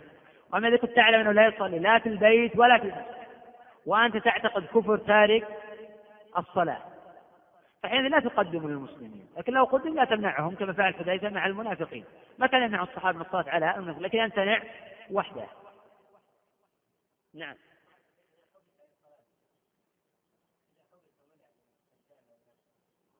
إذا حبس ماذا؟ يعني بسبب مثلا مس إذا منع من الصلاة بسبب المس أو السحر أو غير ذلك يعتبر معذورا عند الله جل وعلا لأنه يعتبر أشبه ما يكون بالمكره. وقد قال الله جل وعلا إلا من أكره وقلبه مطمئن بالإيمان. لكن عليه يسعى في حل السحر عن نفسه وفي آه، حل المس بالرقية والأدعية والدعوات آه، الشرعية. ولكن إذا ما استطاع ولم يجد سبيلا إلى ذلك يعتبر هذا معذورا عند الله جل وعلا ولكن يجب عليه أن يصلي في البيت. إذا أيضا حبس حتى عن الصلاة فهذا أمره إلى الله جل وعلا ينظر هل هذا فعلا آه، الحبس والمنع مسوغ إلى أنه يمتنع عن الصلاة كليا أم لا؟ هذا أمره إلى الله جل وعلا. نعم. نعم. بمناسبة الزواج؟ يعني حين يعقد بل التذكير بالله وآياته وأيامه. إذا الإنسان رأى الناس مجتمعين سواء كان في زواج أو في غيره ورأى أن من المصلحة أن يعظهم ويرشدهم ويعلمهم أحكام الدين فلا بأس بذلك. إذا رأى أن هذا اجتماع للفرح ونحو ذلك ويرى أن الناس قد لا ينصتون وقد لا يستفيدون فيدع ذلك ويراعي في ذلك المصلحة. ولا بأس أن يعظهم لفترة وجيزة لا تتجاوز مثل خمس دقائق أو عشر دقائق. وبعد ذلك يفتح المجال للسلام بعضهم على بعض. ويرى بعض الأخوة أن الوعظ في هذا المكان يعني غير مناسب باعتبار أن هذا فرح ونحو ذلك. ولكن في هذه الأزمان التي كثر فيها الفساد وكثر الخبث وعم وقد الإنسان لا يرى الناس مجتمعين إلا في مثل هذه الأمور فلعله يعظهم ويعظهم ويذكرهم ولعل الله جل ينفع بمثل هذا الكلام وأنه لا بأس به. عموما الضابط ذات مراعاة المصالح. نعم. حتى يخرج وقتها؟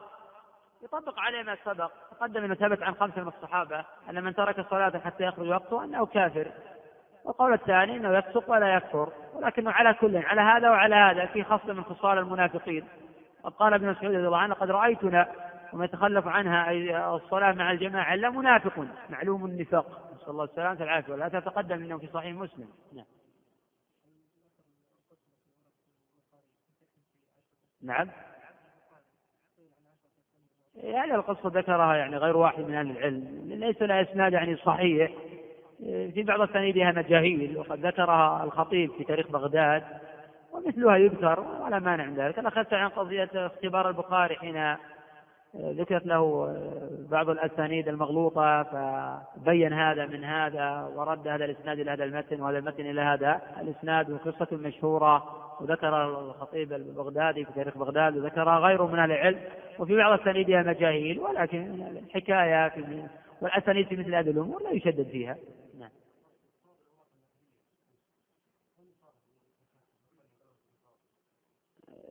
ستة وخمسون فضية الدراهم الفضية يعني ينظر مثلا أو يضرب أربعمائة وستون جراما فضية في قيمة جرام الفضي الحالي ستة وخمسون ريالا سعودية بالجرام الفضي. تساوي قيمته ست أربعمائة وستين جراما فضية يضرب هذا الناتج في قيمة الجرام الفضي في الوقت الحالي. الجرام الفضي في الوقت الحالي يساوي ربع ريال تارة يزيد نصف ريال يضرب في أربعمائة وستين ناتج هذا هو آه، نصاب الدراهم في الريالات الورقية. نعم. الحلي؟ كان بودي كما أسلفت مرارا أن الأسئلة تكون متمثلة في شرح حديث الباب للإتيان من جميع جوانبه ولكن لا مانع من جواب سؤال الأخ. يقول حكم زكاة الحلي. المستعمل. لذلك مذاهب متعددة. المذهب الأول تجب مطلقة وهذا مذهب أبي حنيفة. المذهب الثاني لا تجب مطلقة وهذا رأي الجمهور. المذهب الثالث زكاته عاريته.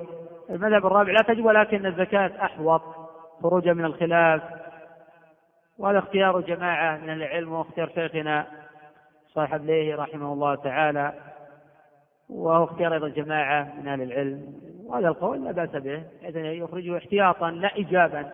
والخلاف مبني على صحة الحديث المشهور حديث عمرو شعيب عن أبي عن جده أن امرأة أتت إلى النبي صلى الله عليه وسلم وفي يد ابنتها مسكتان في يد ابنتها مسكتان غليظتان من ذهب فقالت تؤدين زكاة هذا؟ قالت لا قال يسرك أن يسورك الله بسورين من النار فألقتهما قتهما لله ولرسوله صلى الله عليه وسلم رواه أبو داود من طريق خالد بن الحارث عن الحسين المعلم عن عمرو بن شعيب ورجح الإمام النسائي رحمة الله تعالى إرساله وفي الحديث اختلاف.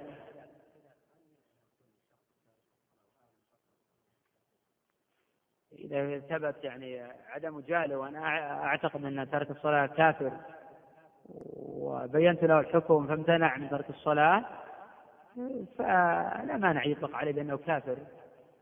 إذا ثبت للإنسان الأدلة اليقينية وأهل العلم يفرقون بين الحكم على العين وبين الحكم على النوع. فأهل السنة يحكمون على النوع ولا يحكمون على العين حتى تتوفر شروط تنتفي الموانع. تتوفر شروط هذه القضية؟ وانتفت الموانع.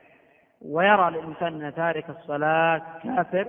فلا مانع الحكم على هذا الرجل بأنه كافر. باعتبار أنه لا يصلي وأرى أن ترك الصلاة كافر. إذا تاب تارك الصلاة آه، يستغفر ربه ويكثر من الطاعات والاستغفار. ويتقرب الله جل وعلا ما أمكن ليكون هذا كفارة لما مضى ولا ليس عليه يعيد. ما مضى من الصلوات وإذا كان قد حج فيما بعد ليس عليه يعيد حجة ولا يعيد صيامة ولا غير ذلك. إنما إذا تاب مثلا في وقت الظهر يصلي صلاة الظهر إذا تاب بعد العصر يصلي الظهر والعصر على رأي الجمهور إذا تاب بعد العشاء يصلي المغرب والعشاء على رأي آه، الجمهور. وهل يجدد عقده أم لا؟ الراجح لا يجدد عقد النكاح لأنه لا دليل على هذا. نعم.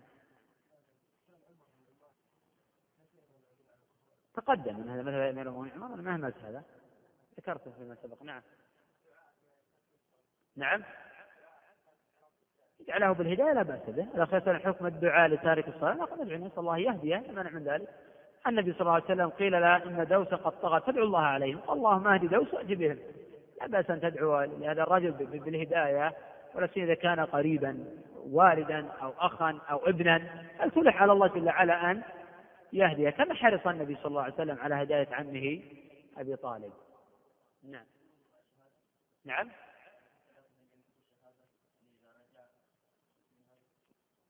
هو يشهد من الأصل هو يشهد أن لا إله إلا الله وأن محمدا رسول الله ولكن يمتنع عن ركن من أركان الإسلام. فإذا تاب قبيل وفاته قبل أن تبلغ الروح حقوق قبل أن تطلع الشمس من مغربها قبلت توبته. يكفي هذا.